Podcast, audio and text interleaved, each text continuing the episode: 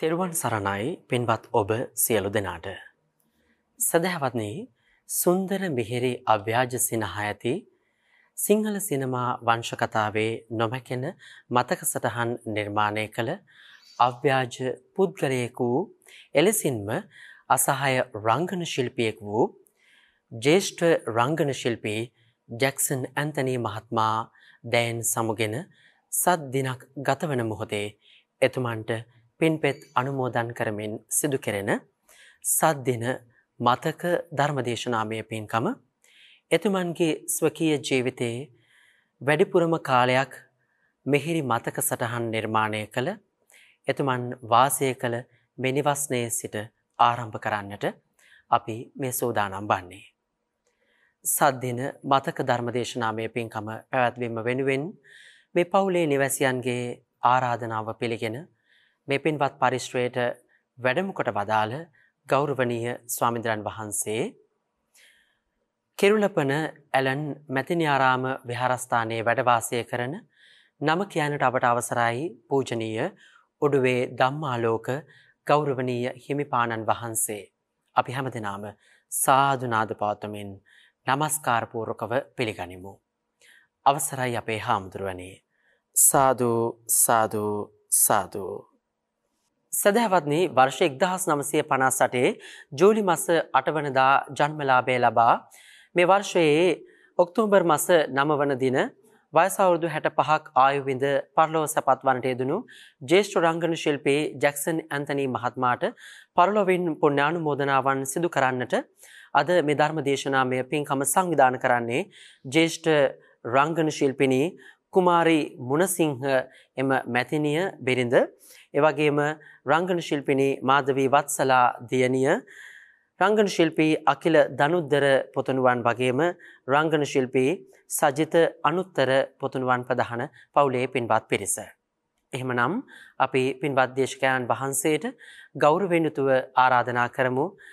එම අසහය රංගන ශිල්පයාට පර්ලවින් පුණ්‍යානුමෝදනාවන් සිදු කරමින් මෙතන් පටන් මේ ධර්ම දේශනාමය පින්කම සිදු කරන්නට අවසරයි අපේ හාමුදුරුවනේ.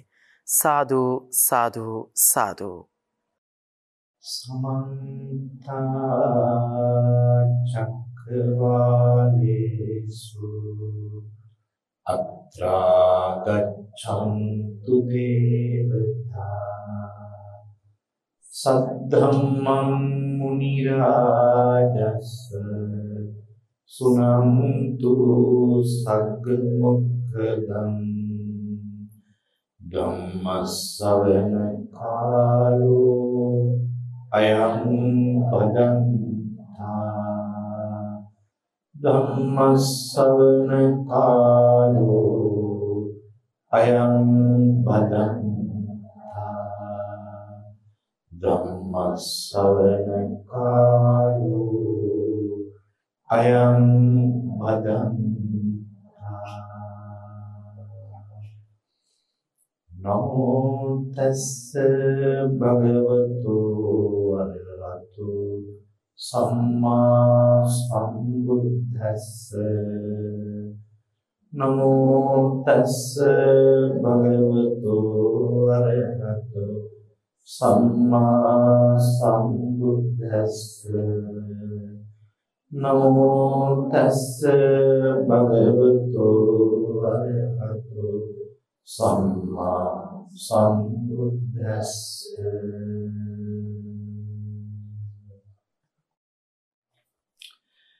ඉද බික්ඛවේ බික්ඛු කායේ කායානුපස්සී විහෙරති. ආතාපි සම්පජානෝ. සතිමා විනේය ලෝකේ අවිද්‍යා දෝමනසන්ති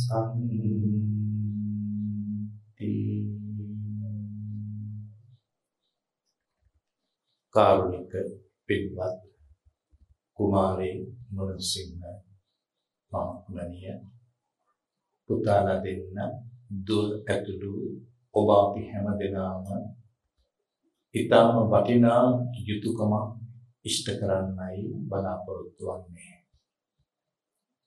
මේ කෙරෙන යුතුයකම මේ සත්කාරයට ಜಾති ભેදයක් නැහැ. ආගම් ભેදයක් නැහැ. මේ කෙරෙන්නේ හදවතේ නැගෙන ආදරය කරුණාව හෝමාරු කර ගැනීම. ආදරය කරුණාව කියලා කියන්නේ හැමතිස්සෙම සුවපත් කරන දෙයක්, සැපවත් කරන දෙයක්, සතුට වෙන දෙයක්. ආදරය කරුණාව සංගවාගෙන ඉන්න පුළුවන් දෙයක් නෙවෙයි. ආදරය කරුණාව හැමතිස්සෙම පෙන්වන දෙයක්. ඒ නිසා අපි හැමදෙනාම අපේ ආදරය කරුණාව පෙන්වමින් අපි අද මේ සත්කාරය සිත එකගතාවයට පත් කරගෙන සිද්ධ කරනවා. අපේ ජීවිත කාලෙට අපිට ආපහු නැවත කවදාවත්ම ජැක්සන් ඇන්තනි මහත්මයා හෝ එවැනි චරිතයක් හමුවන්නේ නැහැ. එතුමා ජීවත් වෙලා හිටපු කාලය තුළ අපට දැක්කපු ආදරය කරුණාව තමයි ඒ. එතුමා දීපු ආදරය කරුණාව අපේ මුළු ජීවිත කාලයටම අපිට අමතක වෙන්නේ නැහැ.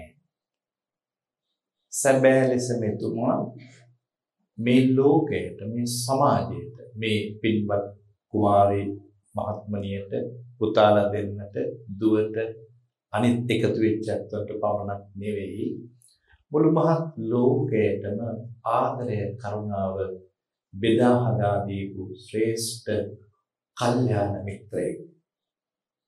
ඒ නිසා එතුමා වෙනුවෙන් මේ සිද්ධ කරන සත්ක්‍රියාව බොහොම හැඟීමෙන්ම අපි කරන්න ඕනේ. ඒ නිසා මම මෙතෙන් සිට එතුමා ගැන වැඩි කතා කරන්න උත්සාහ කරනවට වඩා මේ ලෝකේ ධර්මතාවය පිළිබඳව කතා කරන්නයි උත්සාහ කරන්නේ.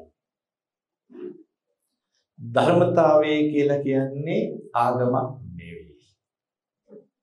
මතක තියාගන්න ආගම් කියන ඒවා පුද්ගලික දෙයක්.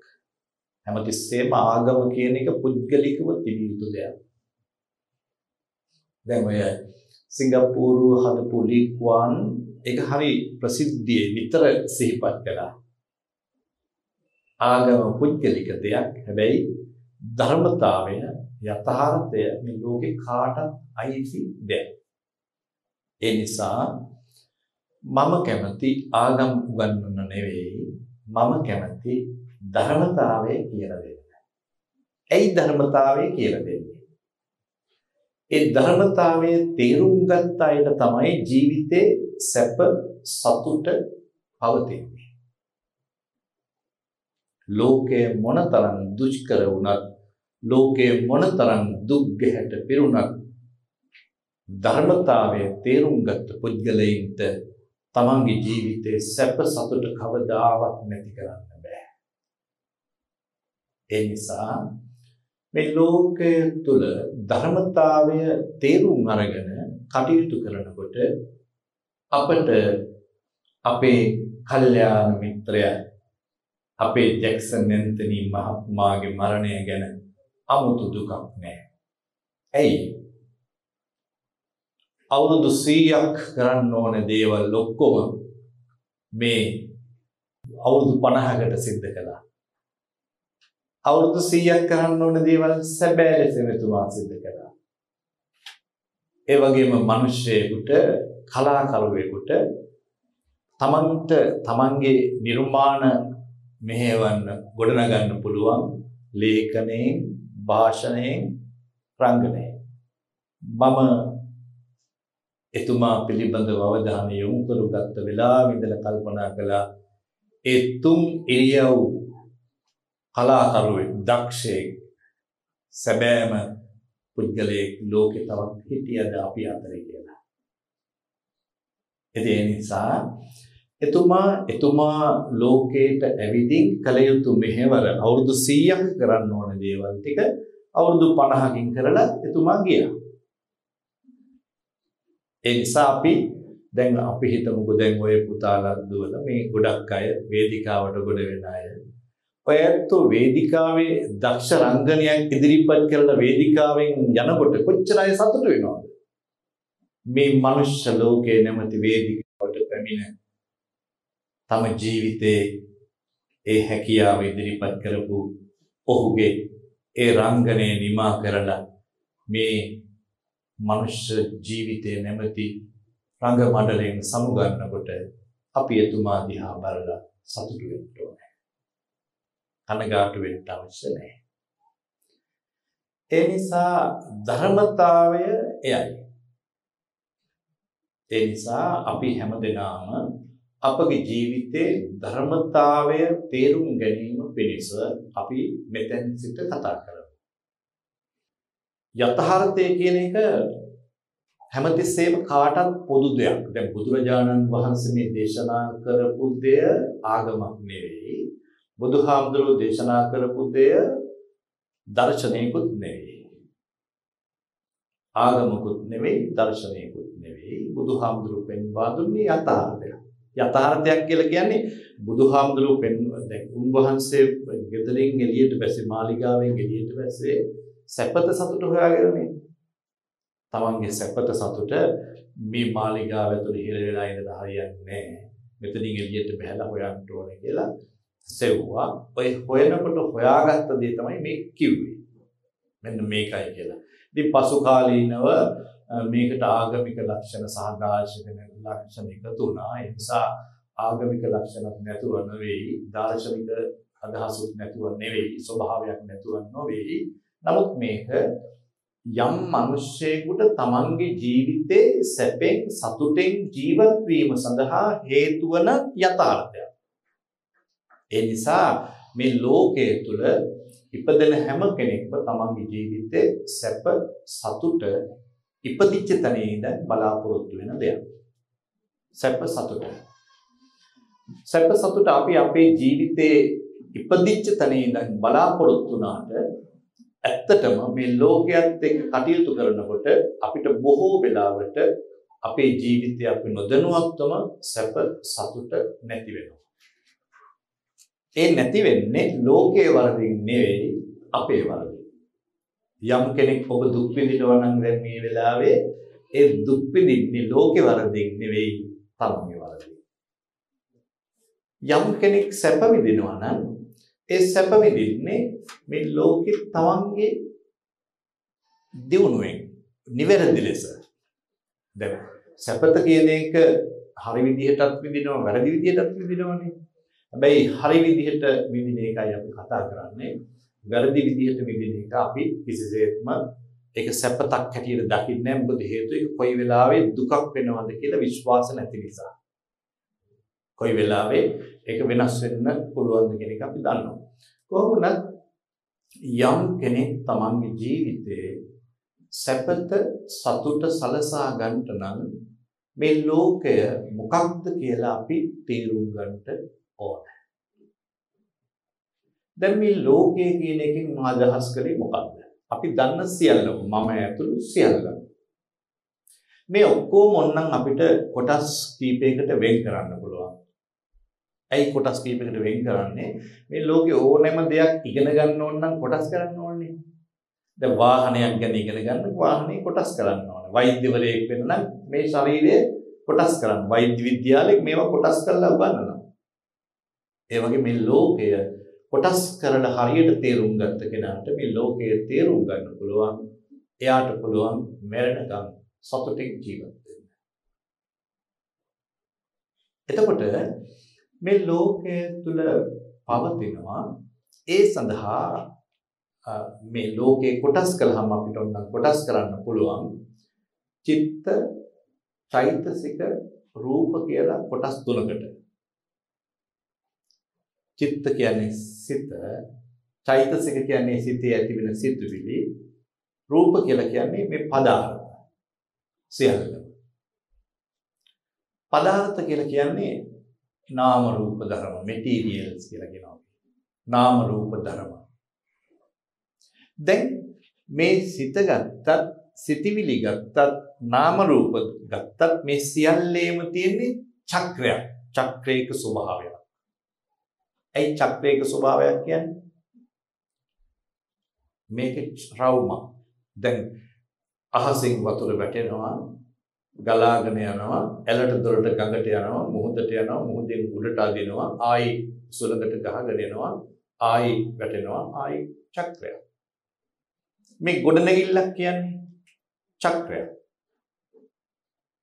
චක්‍රයක අවස්ථාවක් දැන් මහ පොළොවේ තියෙන ඒවා එකතු කරලා මේක මේ විදිහට සකස් කරපු නිසා මේකට අපි ගොඩනැගිල්ලක් කියනවා.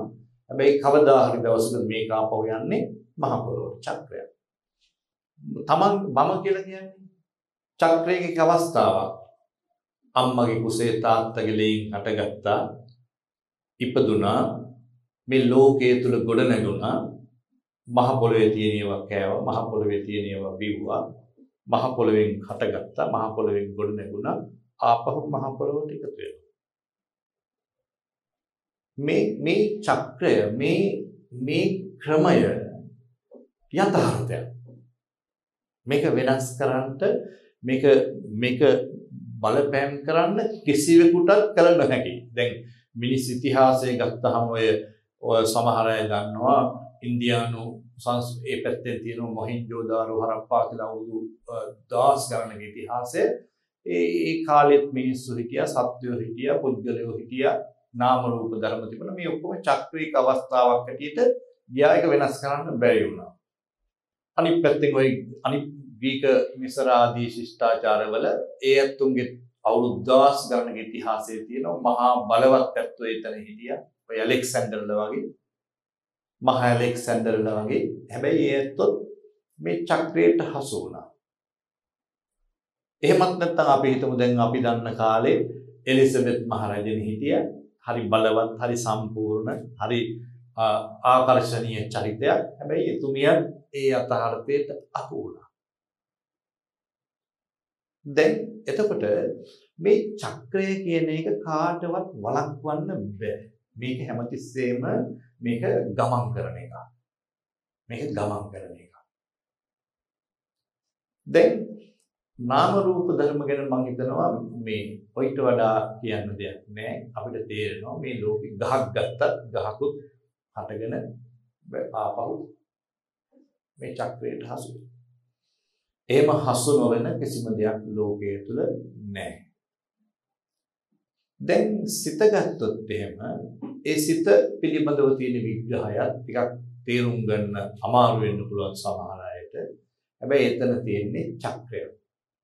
දැන් ඒක බුදුහාමුදුරුවෝ නම් පටිච්ච සමුප්පාදයේ හැටියට දේශනා කළා මේ සිත කියන එක කොහොමද ගමන් කරන්නේ කියලා. ඒක තමයි අපි කියන්නේ සංසාරය කියලා. සංසාරේ කෙලවරක් නැහැ කියන්නේ ඇයි? සංසාරේ කෙලවරක් නැත්තේ චක්‍රයක් නිසා. චක්‍රයේ කෙලවරක් නැහැනේ. චක්‍රයක් නිසා. එතකොට මේ චක්‍රයක් හැටියට ගමන් කරන ලෝකය තුළ කිසිම දෙයක් ස්ථාවරව කිසිම දෙයක් ස්ථාවරව තමන් බලාපොරොත්තු වෙන විදිහටම රැඳෙන්නේ නැහැ. රැඳෙන්නේ නැහැ. එතකොට එහෙම නොරැඳෙන කල්හි අපි එහෙම රැඳෙයි කියලා බලාපොරොත්තු වෙනකොට මොකද වෙන්නේ? ගැටීම. ගැටීමක් ඇති වෙනවා. චක්‍රයක් ගමන් කරන දේ අල්ලා ගන්න උත්සාහ කරනකොට එහෙත් ඒක ගමන් කරනවා නම් ගැටෙනවානේ. දැන් අපි හිතමු කරත්ත රෝදයක තියෙනවා ගරාදි ප්‍රමාණයක්. මේ එක ගරාදියක් අපි බදාගත්තොත් මේ රෝදේ ගමන් කරනකොට අපි ගැටිලා, තැලිලා, තුවාල වෙලා අපි විනාශ වෙනවා. ඒ වගේ මේ ලෝකය තුළ මේ ලෝකය තුළ තියෙන ඕනෑම දෙයක් සුන්දර වුවත් අසුන්දර වුවත් ග්‍රහණය කරගත්ත තැන සහ ගැටෙන තැන අපිට කවදාවත් සැනසීමක් ලැබෙන්නේ නැහැ. ඒ නිසා අපි හැමතිස්සේම මේ චක්‍රය තුළ මේ ගමන් කිරීම දැකලා ඒ හැම දෙයක්ම අවබෝධ කරගෙන උපාදාන රහිතව උපාදාන රහිතව එය වින්දනය කිරීමයි විදීමයි අපි කළ යුතු වන්නේ. එහෙම වෙච්ච තැන අපිට අපේ ජීවිතේ කවදාවත් ගැටීමක් නැහැ. දැන් බුදුරජාණන් වහන්සේ දේශනා කළා ඒ සඳහා අපිට ඊටාම වැදගත් වෙන ඒ සඳහා අපට ඊටාම ප්‍රායෝගිකව අවශ්‍ය කරන ගුණය තමයි සිතෙහි එක්තෙන් භාවය. සිතෙහි එක්තෙන් භාවය. ඒක ධර්මානුකූල වචනින් කියනවා නම් ඒකට කියනවා සතිපට්ඨානය කියලා. සතිපට්ඨාන සිහිය පිහිටුවා ගැනීම. සිතෙහි එක්තෙන් බව. දැන් ස්වභාවයෙන්ම අපේ හිත දුර ගමන් කරනවා ස්වභාවයෙන්ම අපේ සිත ගැටෙනවා. අපේ සිත ස්වභාවයෙන්ම අපට පාලනය කරගත නොහැකි එකක්. සිත කියලා කියන්නේ. අපි හැම දෙනාටම හිතක් තියෙනවා මේ හිත වේගෙන් දුර ගමන් කරනවා දැන් මේ හිතේ වේග මේ හිත වේගෙන් ගමන් කරන මේ ප්‍රමාණය කොච්චරද කියලා වේගය මනින්න ඕන නම් අපිට පුළුවන්. මේ වෙලාවේ ඔබ හිතන්න කිසියම් ඔබගේ රටක් පිළිබඳව ඔබ ඉතාලියට ගිහිල්ලා ගියොත් කොච්චර වෙලාවක් යනවද? ඒ හිතේ කොච්චර ඉක්මනින් ගිහිල්ලා එන්න පුළුවන්ද? දැන් එතකොට මේ වේගවත් භාවයත් සමග මේ වේගවත් භාවයෙන් තේරුම් ගන්න පුළුවන්. ඒ වේගවත් භාවයත් සමග අපට අපේ ජීවිතේ ඇති වෙනවා කිසියම් අනතුරුදායක බවක්. සිතේ වේගය වැඩි වෙන්න වැඩි වෙන්න ඇති වෙන ඕනෑම දෙයක වේගය වැඩි වෙනකොට ප්‍රශ්න ගැටලු මතුවෙනවා. ඒක තමයි ස්වභාවය. අපේ හිත වේගවත් වෙන්න වෙන්න අපිට ගැටලු වැඩි. ඇයි එකක් තමයි වේගයේ වැඩි වෙනකොට අනතුරුදායක බවක් තියෙනවා. ඒක ලෝක ධර්මතාවය. දැන් මේ මම අන්තිමට කියන්න හදන්නේ මේ ලෝකේ මේ ස්වභාවය තේරුම් ගත්තාම අපිට ඇත්තටම මේ ලෝකයේ තුල අපිට දුක් වෙන්න කියලා කනගාටු වෙන්න කියලා තැවෙන්න කියලා පසුතැවෙන්න කියලා කාත් එක්කවත් අමනාප වෙන්න කියලා රණ්ඩු වෙන්න කියලා කිසිම දෙයක් ලෝකෙ නැහැ. ඇයි දැන් ඇත්තටම මම අපේ ජැක්සන් මහත්මයාගෙන් දැකපු හරිම මේ සුන්දර ගුණයක් තමයි එතුමන් මා දන්නා තරමින් නම් කිසි කෙනෙක් එක්ක ගැටෙන්න ගැටිලා යන්න කැමතිුන්නේ නැහැ. දැන් එතුමා එතුමාගේ ජීවිතයේ එක අවස්ථාවකදී ඔය මේ මේ අපි ඔක්කොටම එක කාලේ පොඩ්ඩක් නීතිමය ප්‍රශ්න ගැටලු මතුවුණානේ. ඒ වෙලාවේ මම කිව්වා ඔයා වාසනාවන්තයි මට වඩා කියලා මම ගිරේ ගියා එතුමා උසාවියට විතරයි ගියේ. ඉතින් මතකයි නේද? මේ ඒ වෙලාවේ එතුමා කිව්වා අනේ ස්වාමීන් වහන්සේ මට නම් මේ මට අපේ හාමුදුරුවනේ මට හිතුණා ඇයි අපි මේ මිනිස්සුත් එක්ක මේ සමාජයත් එක්ක මෙහෙම ගැටෙන්නේ. ඒ නිසා මම නම් මේ ගැටෙන සියල්ලෙම ඉවත් වෙනවා කියලා 2015 17 විතර වගේ මට කිව්වා. එතුමා කිව්වා මම ගැටෙන කිසිවක් මම හැම දෙයකින්ම මම ඉවත් වෙනවා කියලා හිතනවා. ඇත්තටම මේ ලෝකය තුළ ගැටෙන්න ගැටෙන්න අපිටයි අපහසුතාවය ඇති හැබැයි අපි ගැටෙන්නේ මේ ලෝකයේ පිළිබඳව සැබෑ අවබෝධය දැනුම නැති නිසා. ඒක නිසා මම මේ කියන්න හදන්නේ මේ ලෝකය තුළ පවතින මේ චක්‍රයක් හැටියට යන නාම රූප ධර්ම සමූහයක් තියෙන්නේ. මේකේ අල්ලගෙන දඟලන්න දෙයක්වත් නැහැ බදාගෙන දඟලන්න දෙයක්වත් නැහැ උපාදාන කරගෙන ඉන්න දෙයක්වත් නැහැ ගැටෙන්න දෙයක්වත් නැහැ. ඉතින් එතුමා ඒ එදා මට කියපු වචනේ මට හරිම වැදුනා හිතට. කාත් එක්කවත් මං ගැටෙන්නේ කැමති නෑ හාමුදුරුවනේ. ඒ නිසා මං මේ ගැටෙන දේවල් වලින් ඉවත් වෙනවා කියලා තුවා කිව්වා. ගැටෙන්න කැමති නැති නිසා. ඉතින් ඇත්තටම එතුමා ඊට පස්සේ ගැටෙන දේවල් එක්ක එකතු වෙන්නේ නැහැ. ඇත්තටම මම දන්නවා එතුමා 80 ගණන් වල මං හඳුනාගත්තා 90 ගණන් වල ගොඩක් සමීප වුණා 2000 ගණන් වල ගොඩාක් එකට එකතු වෙලා අපි කටයුතු කළා. නිතැතින්ම ඒ කොච්චර සමීපතාවයක් ඇති වුණාද කියනවා නම් එකපාරක් ওই චිත්‍රපටියක් හදන්න පටන් ගන්න එකට නැකතක් හදලා ඒ නැකතට පිරිත් කියන්න ඕන කියලා මට කිව්වහම මම කිව්වා ඒ වෙලාවට මට එන්න බෑ කියලා. ඒ වෙලාවේ මට ප්‍රමාද වෙනවා කිව්වා. ඊට පස්සේ එතුමා ඒ චිත්‍රපටිය සඳහා මුදල් වියදම් කරන අයට කිව්වා මට මේ නැකත ඕනේ හාමුදුරුවන්ගෙන් පිරිත් අහන්න ඕනේ. නැකත වෙනස් කළා. මම දන්නේ නැහැ ඔබතුමීට මතකද කියලා. කාර්යාලයේ ඔක්කොම පුදු වුණා. ශ්‍රී ලංකා අර මේ බැංකුවේ ඉතිවිච්ච කාර්යාලයේදී නැකත වෙනස් කළා මට පිළිත් කියන්න එන්න කිව්වා නැකත ඕනේ නැහැ කියලා. ඒ තරම් එතුමා අපිට හරීම සමීපව හරීම සම්බන්ධ වෙලා කටයුතු කළා. ආදරෙන් කටයුතු කළා. ඉතින් මේ දරුවන්ගේ දියුණුව දැකලා මාත් එක්ක අප්‍රමාණ වතාවල් වල හරි සතුටින් කතා කරලා තියෙනවා. ඔය ඇත්තෝ වැඩ කරනකොට. ඉතින් ඒ නිසා එතුමා අපි හරි සමීප වෙච්ච කල්යාණ මිත්‍රයෙක් හැටියට එතුමාගේ තිබිච්ච ඊටාම වටිනා ගුණයක් තමයි කවදාවත් කිසිවක් සමග කිසිවෙක් සමග ගැටුනේ නැහැ. ඒ නිසා මගේ පුතේ මම කියන්නේ මේ අනිත්‍යයටත් මම කියන්නේ මේ ලෝකේ ගැටෙන අය ඕන තරම් ඉන්නවා. අපි ගැට අපි ගැටෙනවා නම් ගැටෙන්න එන අය ලෝකේ නිමාවක් නැහැ.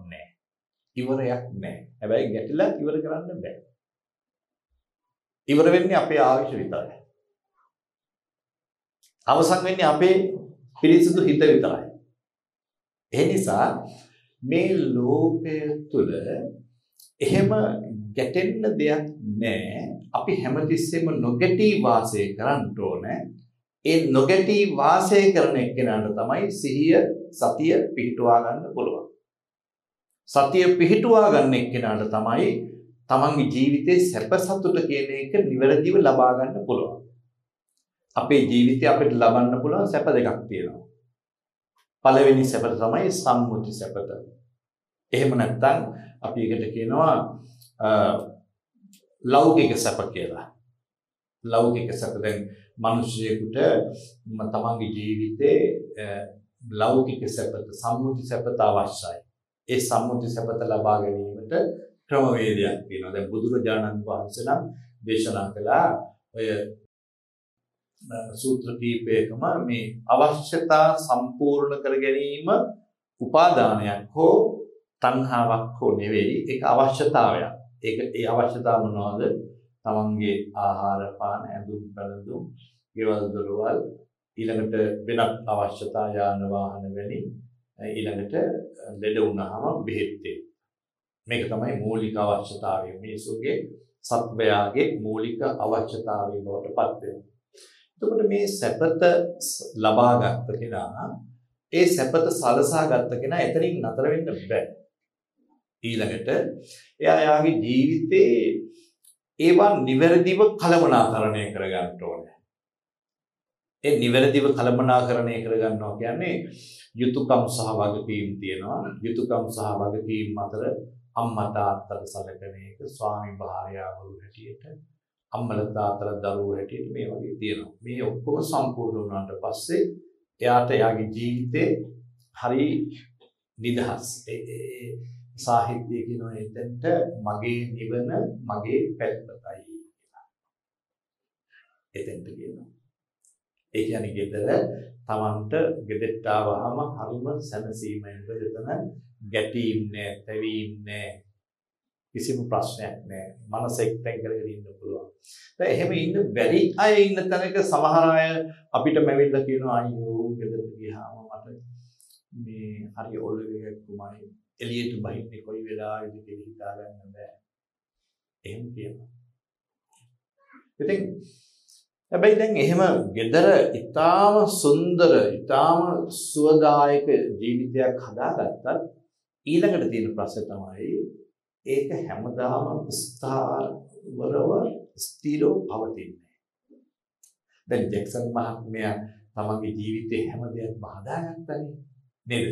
දරුවෝ ගැන වුණත් හරි නිදහස් වුණා. ඉතින් ඒ අන්තිමටම මටත් කියලා දෙනවා අනේ හාමුදුරනේ ගෙදරින් එළියට යන්න හිතෙන්නේ නැහැ කියන අවස්ථාව මට කියලා තියෙන තුමා. ඔය අන්තිම කාලේ. මොකද ඉස්සර නිතර නිතර පන්සලට ආවා. නිතර නිතර ආවා. හැබැයි පසු කාලීනව වැඩි ආවේ නැහැ. එතකොට එතුමා කිව්වා හාමුදුරනේ ගෙදරට ආවහම එළියට වහින්න හිතෙන්නේ නැහැ. එහෙම කිව්වා. එහෙම අවස්ථා ගොඩක් කිව්වා. ඉතින් හැබැයි ඒ වුණාට එහෙම හිටියට ඒක ස්ථිර නැහැ. ඒක තමයි ඒක ලෝකයේ අත්හරින් කාර්යවත් බලදන් නෙවෙයි. ඒක ලෝකේ හැටි. හේතු ප්‍රත්‍යෙන්නේ ලෝකේ ඇවිදලා තියෙන චක්‍රයක්නේ. මේ චක්‍රේ ගමන් කරන්න ඕනේ. අපි ගෙදර නතර වෙන්න හිතුවට නතර වෙන්න බෑ. චක්‍රය යනවා. ඒ නිසා ඒ ධර්මතාවයට අනුව එතුමා ගියා. එතුමාගේ කාර්යයකට එතුමා ගියා. ඒ නිසා අපි එතුමා ගැන අප්‍රමාණ සතුටු වෙනවා. හැබැයි දැන් අපි එතනින් පාඩමක් ගන්න ඕනේ. මොකද්ද? මේක අපිට අපේ හදවතට දුකක් වේදනාවක්. හැබැයි තප්පරයකටවත් මගේ දුවේ මේ ලෝකේ කිසිම සැපතක් දුකක් බවට පත් වෙන්න ඕනේ නැහැ. එහෙම වෙන්නේ අපේ මනස නොදියුණුකම. අපි නොදන්න කම. දැන් අපි එකට උදාහරණයක් ගමුකෝ මරණය. දැන් මරණය කියන එක ඔය ඇත්තන්ට හිතනවානේ කොච්චර අසුබ කොච්චර නීරස දෙයක්ද කියලා. මරණය. හැබැයි ඇත්තටම මරණයේද මේ දුක තියෙන්නේ? මරණය තුලද මේ දුක තියෙන්නේ? නැහැ. මරණය තුල නෙවෙයි. ඇයි එහෙම කියන්නේ? දැන් මරණය තුල නම් මේ දුක තියෙන්නේ. දැන් මේ දවස්වල කොච්චර මැරෙනවද ඊශ්‍රායලයේ පලස්තීනයේ? අපි කවුද අනන්නේ? කවුද දුක් වෙන්නේ? අපි ප්‍රවෘත්තියක් හැටියට නම් කනගාටු වෙනවා තමයි. නමුත් අපිට අපේ සමීපතමේ මැරුණා වගේ දුකක් තියෙනවා. නෑනේ. දැන් වෙන රටකට ගිහිල්ලා ජැක්සන් මහත්මයා ගැන දන්නේවත් නැති රටකට ගිහිල්ලා කිව්වොත් මේ ජැක්සන් මහත්මයා මැරුණා කියලා කවුරුත් අඬනවද? නෑනේ. එහෙනම් මරණය නෙවෙයි මේ දුක තියෙන්නේ. මනස තුළ අපේ මනස තුළ. ඒ කියන්නේ එතකොට අපි මරණයක් වෙනුවෙන් අඩන්නේ අපේ මනසේ තියෙන නොදියුණුකම නිසා. අපේ මනසේ තියෙන නොදියුණුකම. ඒ නිසා බුදුරජාණන් වහන්සේ දේශනා කළා මේ මරණය කියන්නේ ඇත්තටම දුක් විය යුතු දෙයක් නෙවෙයි. ඒක මේ හේතු ප්‍රත්‍යයෙන් ඇතිවෙන එක්තරා එක සිදුවීමක් පමණයි. අනිත් කාරණාව තමයි මේ මරණය කියන එක අපිට දුකක් වගේ පෙනුනට සමහරට මැරෙන කෙනාට ඒක යහපතක් වෙන්න පුළුවන්. යහපතක් වෙන්න පුළුවන්. දැන් මේ කලකට ඉස්සර ඔය දෙහිවල පැත්තේ හිටිය මහත්තයෙක් එයා හරියට නැකත් මේ කේන්දර බලන මහත්තයෙක්. අවුරුදු 5ක 6ක ඉඳන් එයාට කියලා දුන්නා එයාගේ අපල කාලයක් තියෙන්නේ අහවල් දවසෙන් පස්සේ තමයි ඒ අපල ඉවර වෙන්නේ කියලා. එයාගේ කේන්දර බලන එක්කෙනා කියපු දිනේ හැමදාම මුළු පවුලෙම ඔක්කොම දන්නවා ඒක. දැන් මේ දවස අපල ඉවර වෙන දවස ආව හෙට කියලා තියෙන්නේ ඒ දවස හරියට මුදා වෙද්දී එතුමා උදේ පාන්දර මේ කොළඹ තාත් සමුද්‍රා හෝටලයට ඇවිදිලා ආපහු ගෙදරට එනකොට ගාලු පැත්තෙන් ආපු ප්‍රයිවට් බස් එකක් නින්ද ගිහිල්ලා පාර අනිත් පැත්තට යනලා එයාගේ වෑන් එකේ හැප්පිලා එයා මැරුණා. හරියටම ඒ කියන්නේ අපල ඉවර වෙලා වෙන දවසේ උදේ ආයෙත් නැති වුණා. දැන් කළුබෝවිල රෝහලේ එයාගේ දේහයේ තියෙද්දි එයාගේ මල්ලි මල ගෙදර ගිහලා මට කිව්වා මම අර කේන්දර කාර්යයට කතා කළා. කතා කරලා ඇහුවා අපේ අයියට කොහොමද කියලා. එතකොට එයා කිව්වා මහත්තයා අදින් පස්සේ හොඳටම හොඳයි. එයාගේ අපල ඔක්කොම ඉවරයි කියලා. ඉතින් දැන් මේ මහත්තයා කිව්වේ ඒක මේ බොහොම උපහාසෙක් මේ කේන්දර කාර්යෝගේ හැටි කියලා. හැබැයි මම එතුමාට කියලා දුන්නා එයා කියපු එක හරි වෙන්න පුළුවන්. ඇයි? මෙයා මරණයට පත් වෙලා ගිහිල්ලා ඉපදුනේ දිව්‍ය ලෝකේ නම් දිව්‍ය ලෝකේ නම් ඉතින් හරිනේ. ඒ නිසා සමහර වෙලාවට මේ ලෝකේ සමහර මිනිස්සු මරණයට පත් වෙන්නේ පුතේ වාසනාවට. හැබැයි එහෙම කියලා කවුරුත් මැරෙන්න හදන්න එපා. එහෙම වුණොත් ඒක සියදි විහානි කර ගැනීමක්. ඒක මරණයක් නෙවෙයි. අපි කියන්නේ ඒකක් නෙවෙයි. මරණය. මරණය කියන එක අපි දුක් වේතු දෙයක් නෙවෙයි. සමහර වෙලාවට ජෙක්සන් මහත්මයා මීට වඩා එතුමා හිටපු විදිහට සාමාන්‍ය ධර්මතාවය අනුව ලෝකේ තියෙන්නේ උඩට යනවා නම් උඩටනේ පහළට එනවා නම් පහළට. දැන් ජැක්සන් මහත්මයාගේ ජීවිතය ගත්තාම එතුමා පහළට ආපු කෙනෙක් නෙවෙයිනේ. උඩට ගියේ. එහෙනම් මරණින් පස්සේ ආව පහළට එන්න කිසි හේතුවක් නැහැ ධර්මතාවය අනුව. එයා ඉහළටම තමයි යන්නේ. ඒක තමයි ලෝකේ ඇති. ඒක තමයි ධර්මතාවය. ඒ නිසා අපි අපේ ජීවිතයේ මේ මරණය කියන එක තේරුම් ගත්තාම ඇත්තටම අපිට ඒකේ අනන්න දුක් වෙන්න කනගාටු වෙන්න දෙයක් නැහැ. අපි එතුමා ගැන හිතලා සතුටු වෙන්න අපිට තියෙනවා. ආහු කාලේ හිටපු කාලේ මං ඉස්සෙල්ලා කිව්වා වගේ අවුරුදු 100ක් කරන්න ඕන දේ 50කින් කරලා එතුමා ඔක්කොම යුතුයකම් කරලා එතුමා යන්න ගියා. ඒ නිසා එතුමාගේ ජීවිතය හරි සම්පූර්ණයි. ඒ නිසා අපි එතුමාගේ මරණය ගැන දුක් වෙන්න අවශ්‍ය නැහැ. කනගාටු වෙන්න අවශ්‍ය නැහැ. අපි බොහෝම ආඩම්බර වෙන එතුමා හිටපු කාලය තුළ. ඉතින් කොහොමුණත් දැන් අපි ආයම් වලට අපි කතා කළේ මේ ධර්මතාවය අපි ජීවිතේ තේරුම් ගත්තාම ඇත්තටම අපිට අපේ ජීවිතේ මොන හේතුවක් නිසාවත් දුක් වෙන්න තරක් නැහැ. දැන් සමහර වෙලාවට දැන් මම මගේ ජීවිතේ මම ධර්මතාවය මෙනෙහි කරන කෙනෙක් නේ. කියන එක්කෙනෙක් නේ. දැන් මම કોઈ කවදාවත් මට කරන්න බැරි දේවල් මං අනිත් එක්කෙනාට කරන්න කියලා කියන්නේ හැබැයි මං හිතනවා හැමතිස්සෙම මම මේ බණ කියනවා සැපෙන් සතුටින් ඉන්න කියලා මම සැපෙන් සතුටින් ඉන්නවාද කියලා. මං හැමතිස්සෙම හිතනවා. හැබැයි ඇස් වහකට වහක් නැහැ. මං මොන අවස්ථාවකදීවත් මගේ ජීවිතේ මම දුකෙන් මිදලා නැහැ. දුක් වෙලා නැහැ. මං සමහරට මහරය ඇහැරෙනවා මේ මොකක් හරි අසනීප තත්වයක් හරි නිසා. ඒත් මං හරි සතුටෙන් ඉන්නේ. කොයි වෙලාවකවත්. දැන් සමහර අවස්ථා තියෙනවා මටත් ඉතින් හරි අපහසුතාවයටපත් වෙන අවස්ථා යෙදෙනවා. මේ සම්මුති ලෝකේ එහෙමනේ. දැන් එක උදාහරණයක් මම කියන්නම්.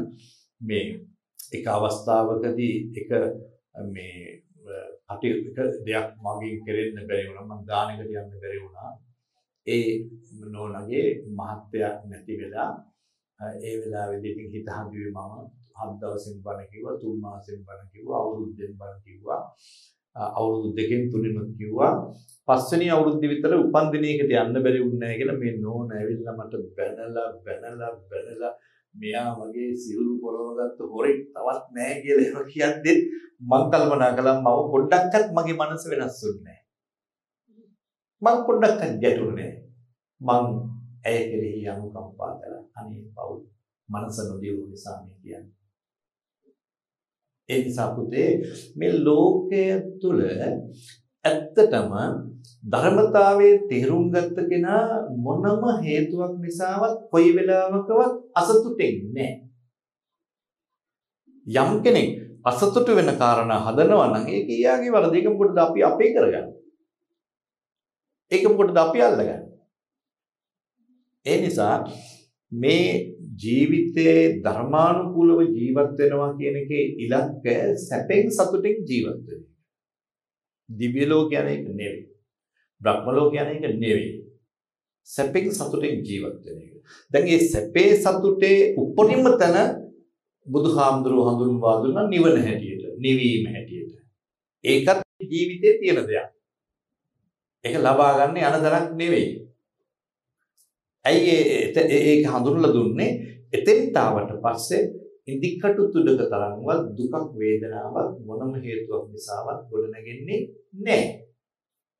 ඒ නිසා අපි අපේ ජීවිතේ මේ මනුෂ්‍ය ජීවිතේ සැපෙන් සතුටින් ජීවත් වීම සඳහා මේ ලෝකය තුල ඇත්ත ඇති සැටිය තේරුම් ගත යුතුයි. ඇත්ත ඇති සැටිය තේරුම් ගැනීමට අපි සිහිය පිහිටුවා ගත යුතු සතිපට්ඨානය පිහිටුවා ගත යුතුයි.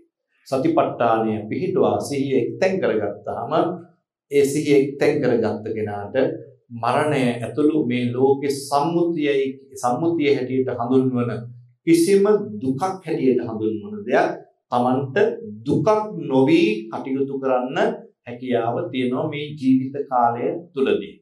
ඒ නිසා මම ඒකයි කිව්වේ මේ මරණය කියලා කියන්නේ ඇත්තටම දුක් වී දෙයක් නෙවෙයි.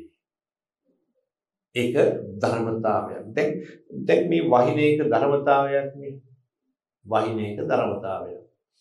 දැන් මේ වහින එකට මං කැමති නැත්තම් මං ඇඬුවොත් අඬා වැළපුණොත් අනිත් අය මොකද හිතන්නේ? මට පිස්සු කෙලියදයි නේද? හැබැයි අවුව බැස්ස වෙනුවෙන් දුක් වෙන එකත් මරණයක් වෙනුවෙන් ලෙඩ වුණ වෙනාම ඒව වෙනුවෙන් දුක් වෙන එකත් දෙකම එකයි. දෙකම ධර්මතාවය. ඒ නිසා එතන අපිට දුක් වෙන දෙයක් නෑ පුතේ. ඊළඟට බුදුරජාණන් වහන්සේ වැඩ ඉන්න කාලේ එක තරුණයෙක් හිටියා. මේ තරුණයා ගැනද කවුරුද දන්නව? මට්ට කුණ්ඩලී. මට්ට කුණ්ඩලී මරණයටපත් වුණා. මට්ට කුණ්ඩලී මරණයටපත් වුණාට පස්සේ මරුණට පස්සේ තමයි දැන් සමහර අයට ගොඩාක් මිනිස්සුන්ගේ අගේ වටිනාකම දැනෙන්නේ මරුණාමනේ. ඒකනේ ලෝකේ ස්වභාවය. මරුණාම තමයි අගේ දැනෙන්නේ. ඒක ඒක හැටි. ඒක එක්කෙනෙකුට දෙන්නෙකුට නෙවෙයි සෑම දෙන අතීතේ ඉඳන් ඒකේ ස්වභාවය එහෙම තමයි. උදාහරණයක් ගත්තොත් දෙවියන් වහන්සේගේ පුත්‍රයා ජේසුස් වහන්සේට ඇන ගහනකම් නැති වෙනකම් ඔක්කොම විරුද්ධව හිටියේ. නැති වුණාට පස්සේ තමයි ඔක්කොම අඬා වැළපෙමින් අදහන්න පටන් ගත්තේ. ඉතින් ඒක තමයි ලෝකෙ ඇති. ලෝක ස්වභාවය. ඒක එදත් එහෙමයි අදත් එහෙමයි. ඉතින් දැන් මේ මට්ට කුණ්ඩලිය මරුණාට පස්සේ මට්ට කුණ්ඩලියගේ තාත්තා හැමදාම සෝනට ගිහිල්ලා අඬා වැළපෙනවා. මට්ට කුණ්ඩලිය දිව්‍ය ලෝකෙ ඉපදුනා.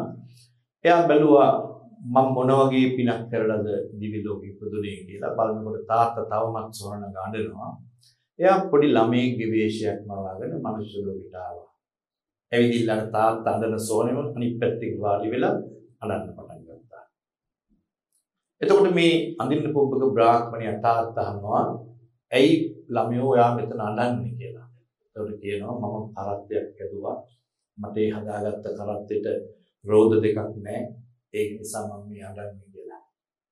ඉතින් කියනවා අනේ ළමයෝ ඔය ළමයා තරම් මෝඩ ළමයෙක් තවත් නැහැ ලෝකේ මේ කරත්තයක් හදාගත්ත එක්කෙනාට ඇයි රෝද දෙකක් හදන්න බැරි?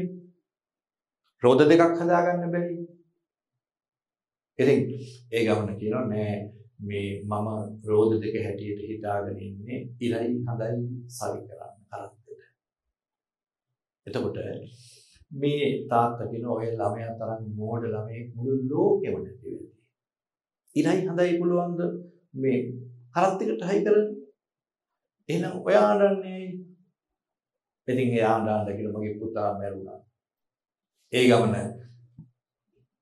මේ ළමයා අහනවා මමද මෝඩ ඔබද මෝඩ මම අඬන්නේ ඉර හඳ ලබා ගන්න එක පේනවා අඩු ගානේ පේනවා ඔබ අඬන්නේ පේන්නේවත් නැති පුතෙක් ගැන කියලා මැරිච්ච කෙනෙක් ගැන කියලා. ඒ නිසා මේ පොඩි ළමයා කිව්වේ මොකද්ද? මැරිච්ච කෙනෙක් වෙනුවෙන් අඬන එක දුක් වෙන එක ඉර හඳ ඉඳලා අඬනවට වඩා මෝඩ වැඩක් කියලා. ඒ නිසා ඉර හඳ වගේ අපිට මතක හිටින්න වැඩ කරපු සේවය කරපු මෙහෙවර කරපු ස්වාමියෙක් හැටියට තාත්තා කෙනෙක් හැටියට ඥාතියෙක් හැටියට කලාකරුවෙක් හැටියට නිලධාරියෙක් හැටියට හැම පැත්තෙම අංග සම්පූර්ණ වෙච්ච එතුමා එතුමාගේ ජීවිතේ සියල්ලම අපිට දායාද කරලා ගිය තැන ඇත්තටම අපි හිතන්න ඕනේ. අපි මේ වගේ මරණයටපත් වෙනවා. ඒ නිසා අපේ ජීවිතය තුළ ස්ථාවර වූ අපේ ජීවිතය තුළ ස්ථාවර වූ සැපත සලසා ගැනීම සඳහා අපි අර සිහිය පිහිටුවා ගන්න ඕනේ. හිත එක්තෙන් කරගන්න ඕනේ. හිත එක්තෙන් කරගෙන අපි ඇත්ත ඇතිසැටියෙන් මේ ලෝකය දැකලා මේ ගමන් කරන ලෝකෙ කිසිවක් උපාදාන කර නොහැකි. මේ ගමන් කරන ලෝකෙ කිසිවක් සමග නොගැටිය යුතුයි. බුදුහාමුදුරුවෝ සතිපට්ඨාන සූත්‍රය දේශනා කරනවා. අවිද්‍යා දෝමනස දොම්නසයිද මේ ලෝකෙ ගැන දුක් වෙන්න එපා. මේ ලෝකෙ ගැන දුක් වෙන්නේ නොදියුණුකම තියෙන කෙනා ඒ නිසා අපි හැම කෙනෙක්ම සතුටෙන් කටයුතු කරන්න ඕනේ කියන එකයි අදහස් කරන්නේ. ඒ වගේම ජැක්සන් ඇන්තනි මහත්මයා ගැන අපි හිතලා එතුමා අනිත්‍යතාවයටපත් වුණා වගේ අපිත් එහෙම වෙනවා.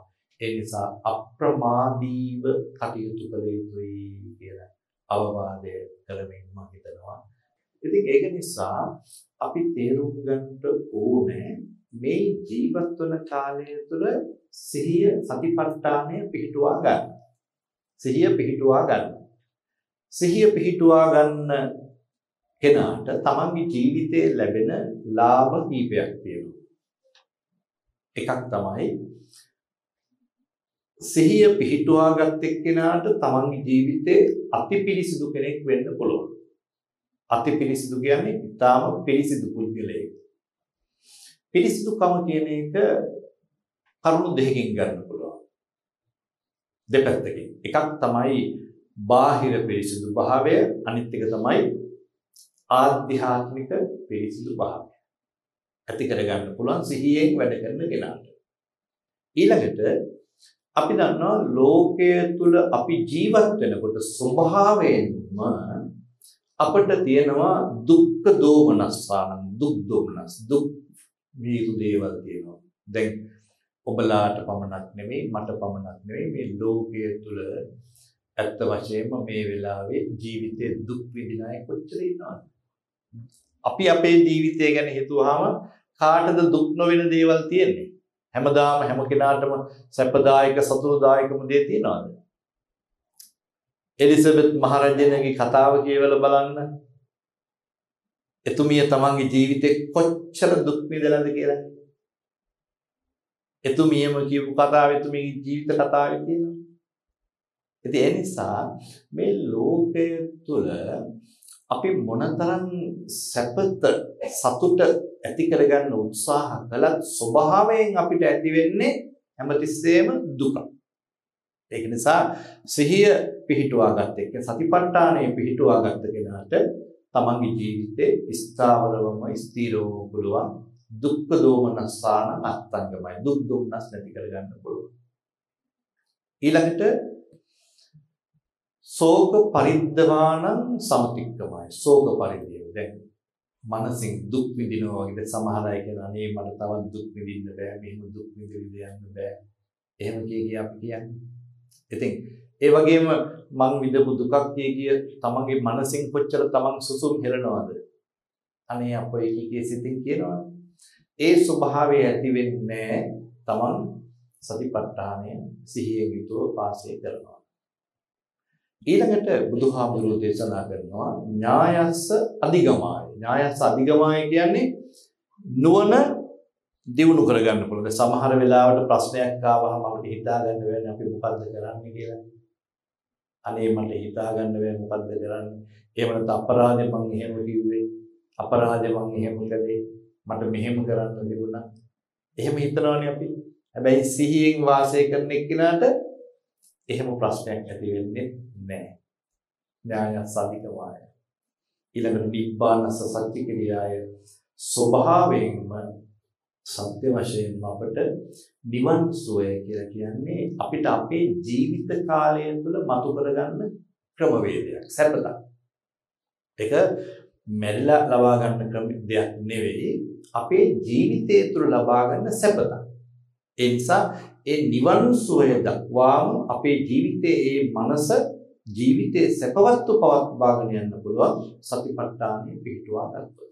හැබැයි දැන් මම අද ඔබලාට පැහැදිලි කරන්නේ මේ සතිපට්ඨානය පිහිටුවා ගැනීම සැප සතුට ලබා ගැනීම සඳහා අවශ්‍යයි.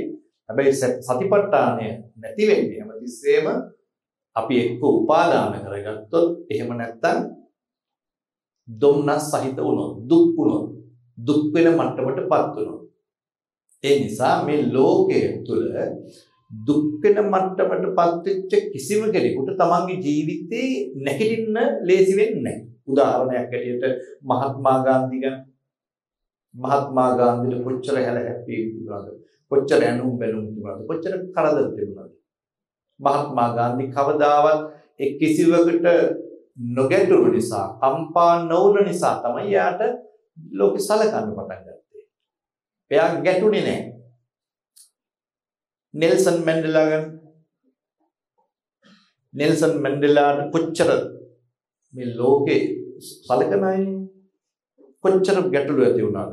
එක අවස්ථාවකදී නෙල්සන් මැන්ඩෙලාව හිරේට නියම කරපු නඩුකාරතුමා ඉන්න හෝටලයකට නෙල්සන් මැන්ඩෙලා ගිහිල්ලා රටේ නායකයෙක් වුණාට පස්සේ ඉතින් එතුමා සැඟවිලා බොහොම බයෙන් ඉන්නවලු දැන් මං ඉන්නව කියලා දැනගත්තු ප්‍රශ්නයක් මතුවේ කියලා.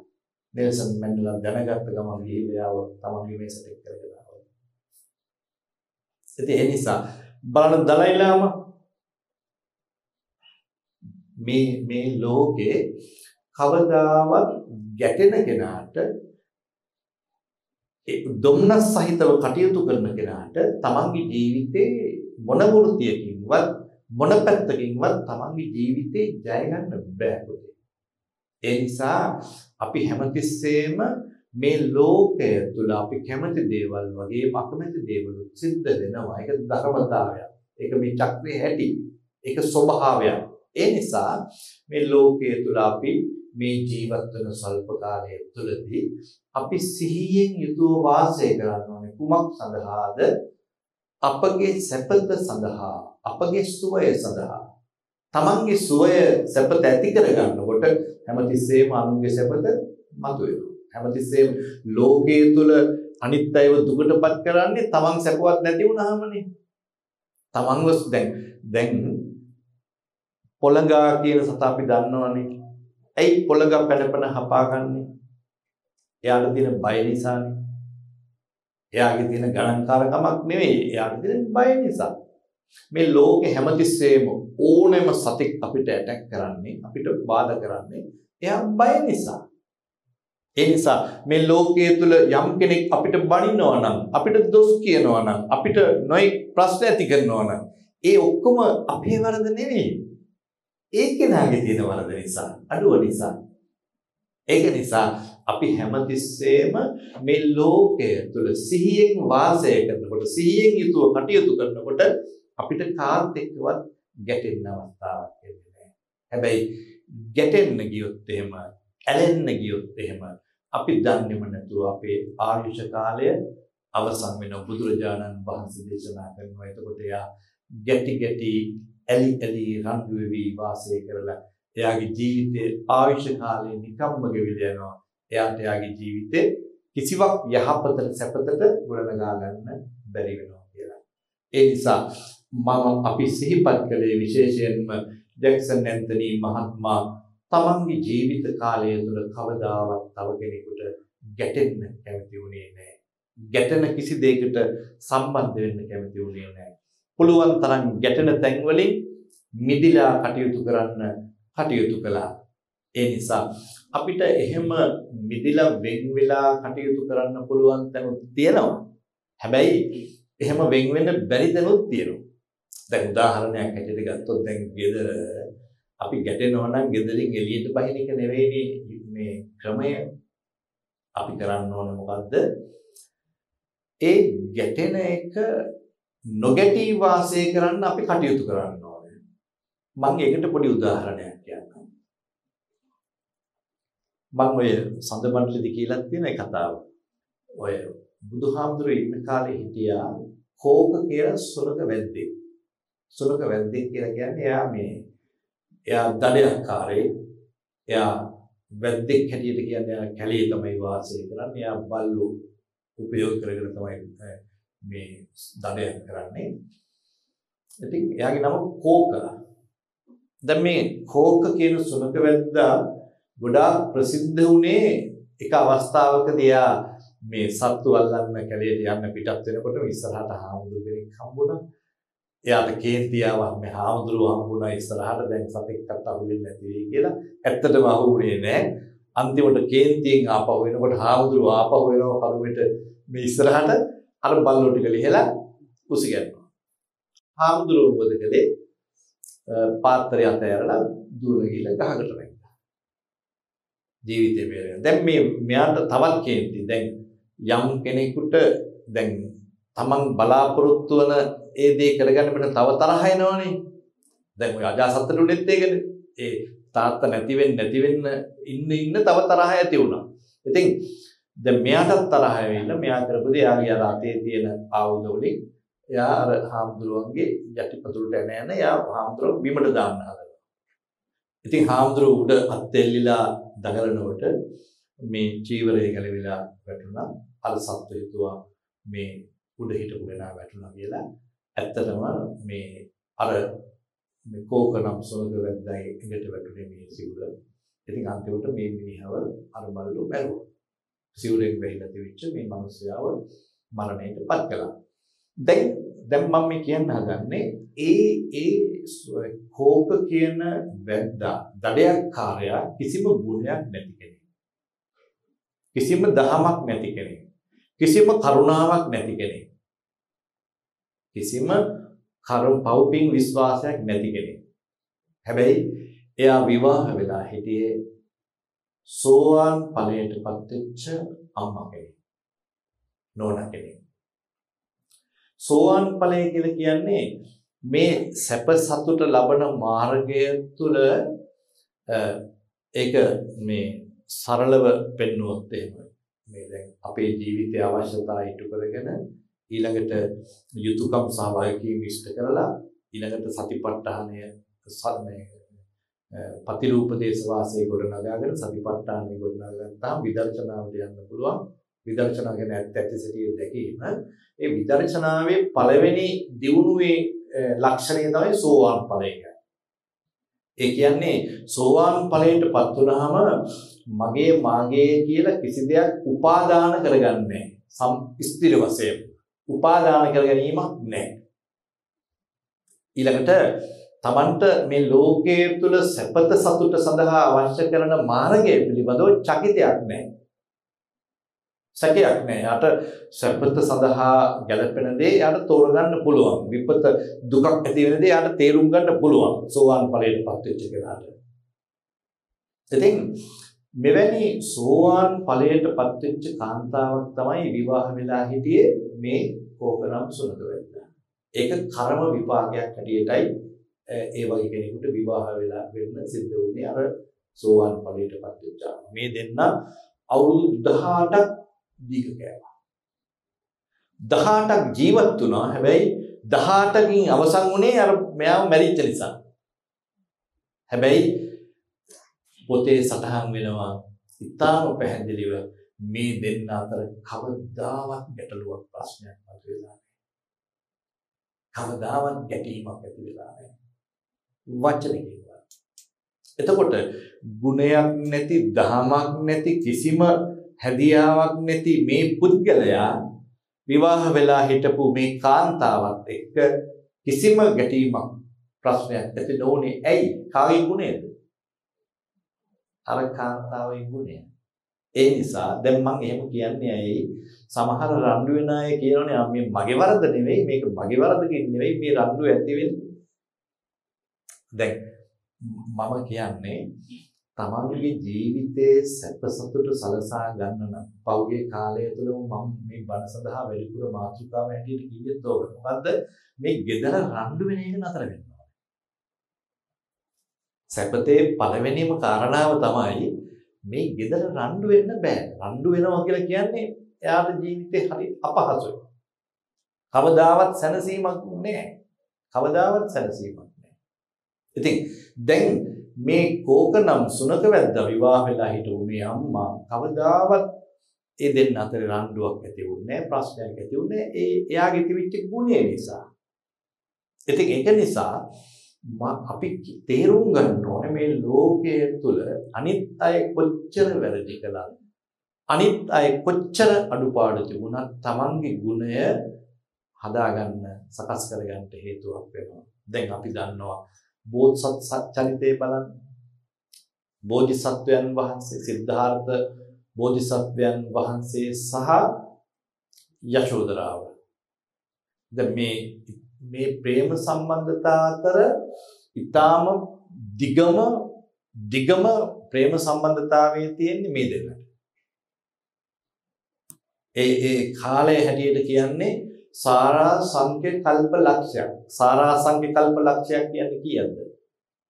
ගාන ඒ ගණිත ශාස්ත්‍රයේ දියුණුනේ අද කාලේ ඒක කියන්න තරම්වත්. ඒ තරම් දීර්ඝ කාලයක් ආත්ම ගණනක් මේ ඇත්තෝ එකට ඉපදුණා. හැබැයි ඉපදිච්ච හැම ආත්මෙම හැම ආත්මිකම එක්ක බෝධිසත්වයෝ වරදක් කළා එක්ක යශෝදරාව වරදක් කළා. හැබැයි කවදාවත් මේ දෙන්න රණ්ඩු වෙලා වෛර කරගත්තේ නෑ.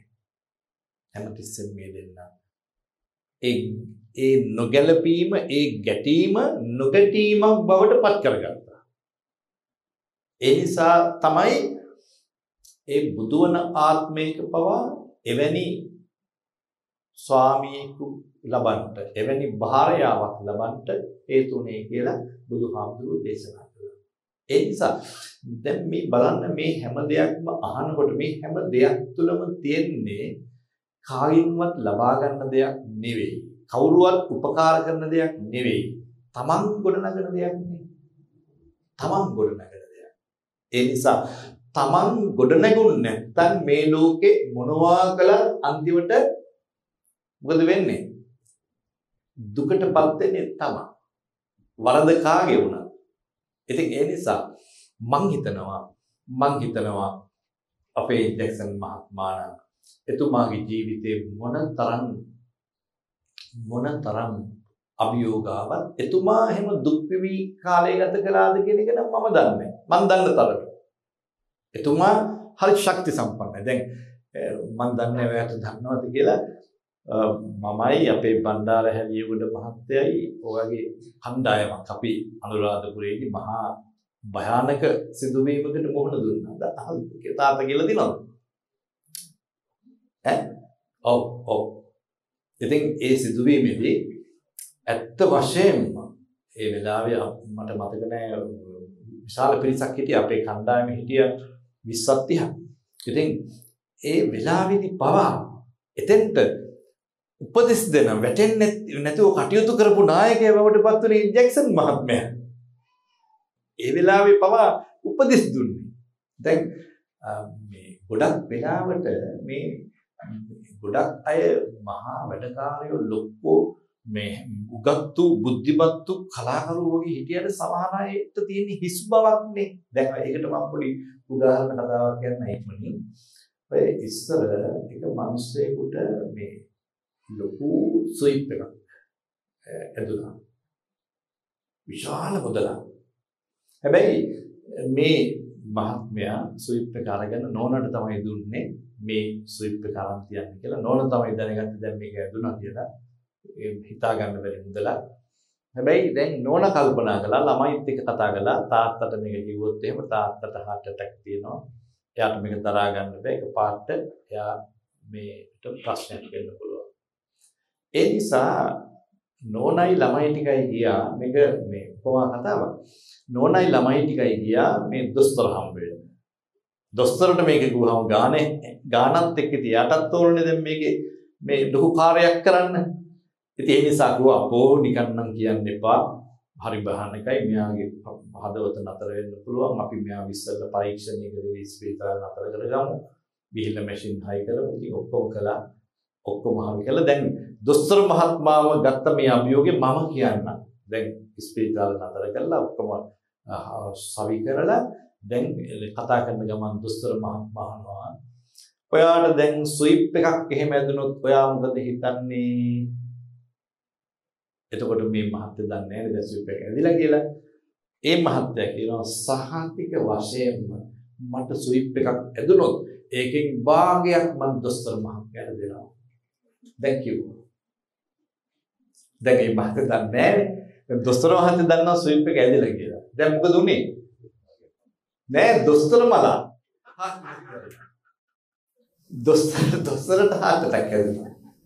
ඉතින් අන්නේ වගේ මිනිස්සු තමයි ලෝකෙ ගොඩක් ඉන්නේ. මේ ගොඩාක් පිම්බිලා හිටියද අභියෝගයක් ප්‍රශ්නයක් ගැටලුවක් ආවහම අර හાર્ට් ඇටැක් ඇදිච්ච දොස්තර වගේ තමයි. හැබැයි ජැක්සන් මහත්මයා එහෙම නෑ. එතුමා එතුමා හරි පරිණතයි ඒ වගේ වෙලාවට හරිම පරිණතයි.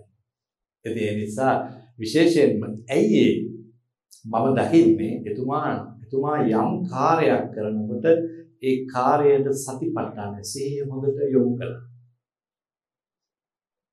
දැන් ඉගෙන ගන්න ළමේ සාර්ථකව ඉගෙන ගන්නේ තමන්ගේ සිහිය යොමු කරපු ප්‍රමාණයට.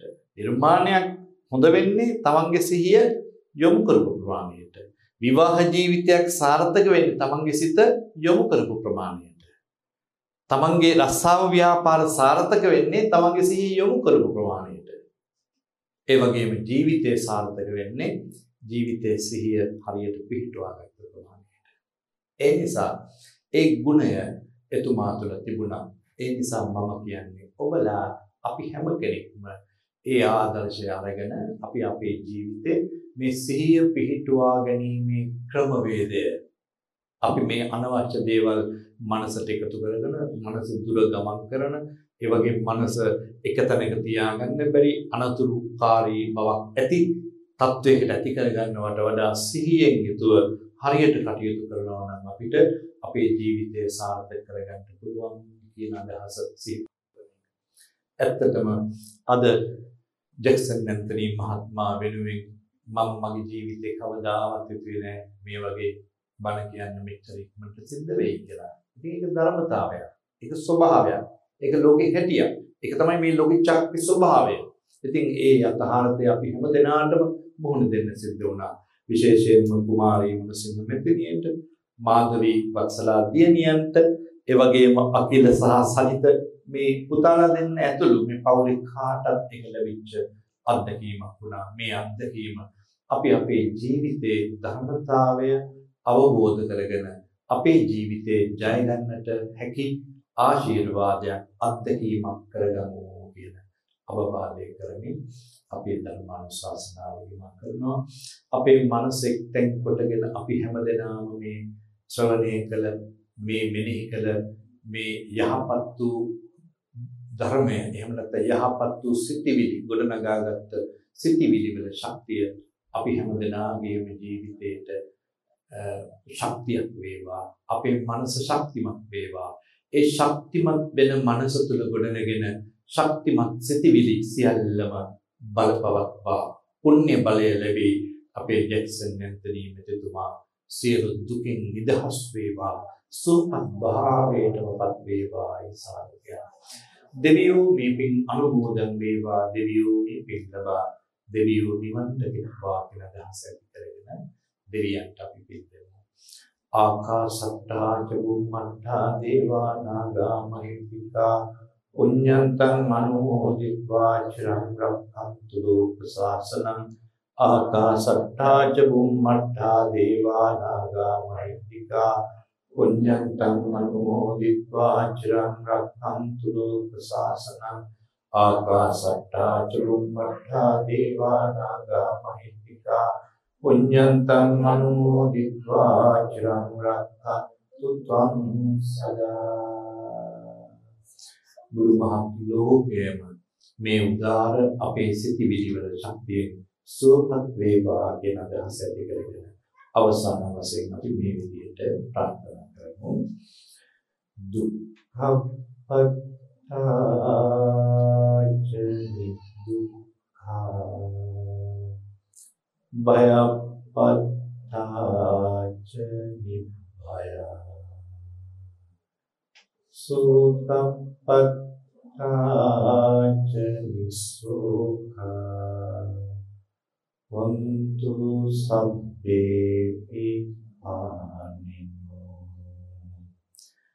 දුක්ඛින් පෙලෙන සත් දුක්ඛින් මිදෙත්වා. බියෙන් පෙළෙන සත් බිය දුරු වෙත්වා. සොවින් පැවෙන සත් සොම්නසුන් වෙත්වා. නිතින් මේ හැම සත් සුවපත් වෙත්වා. මුළු මහත් සෑබදනාටම සියලු සැනසෙල්ල උදා වේවා.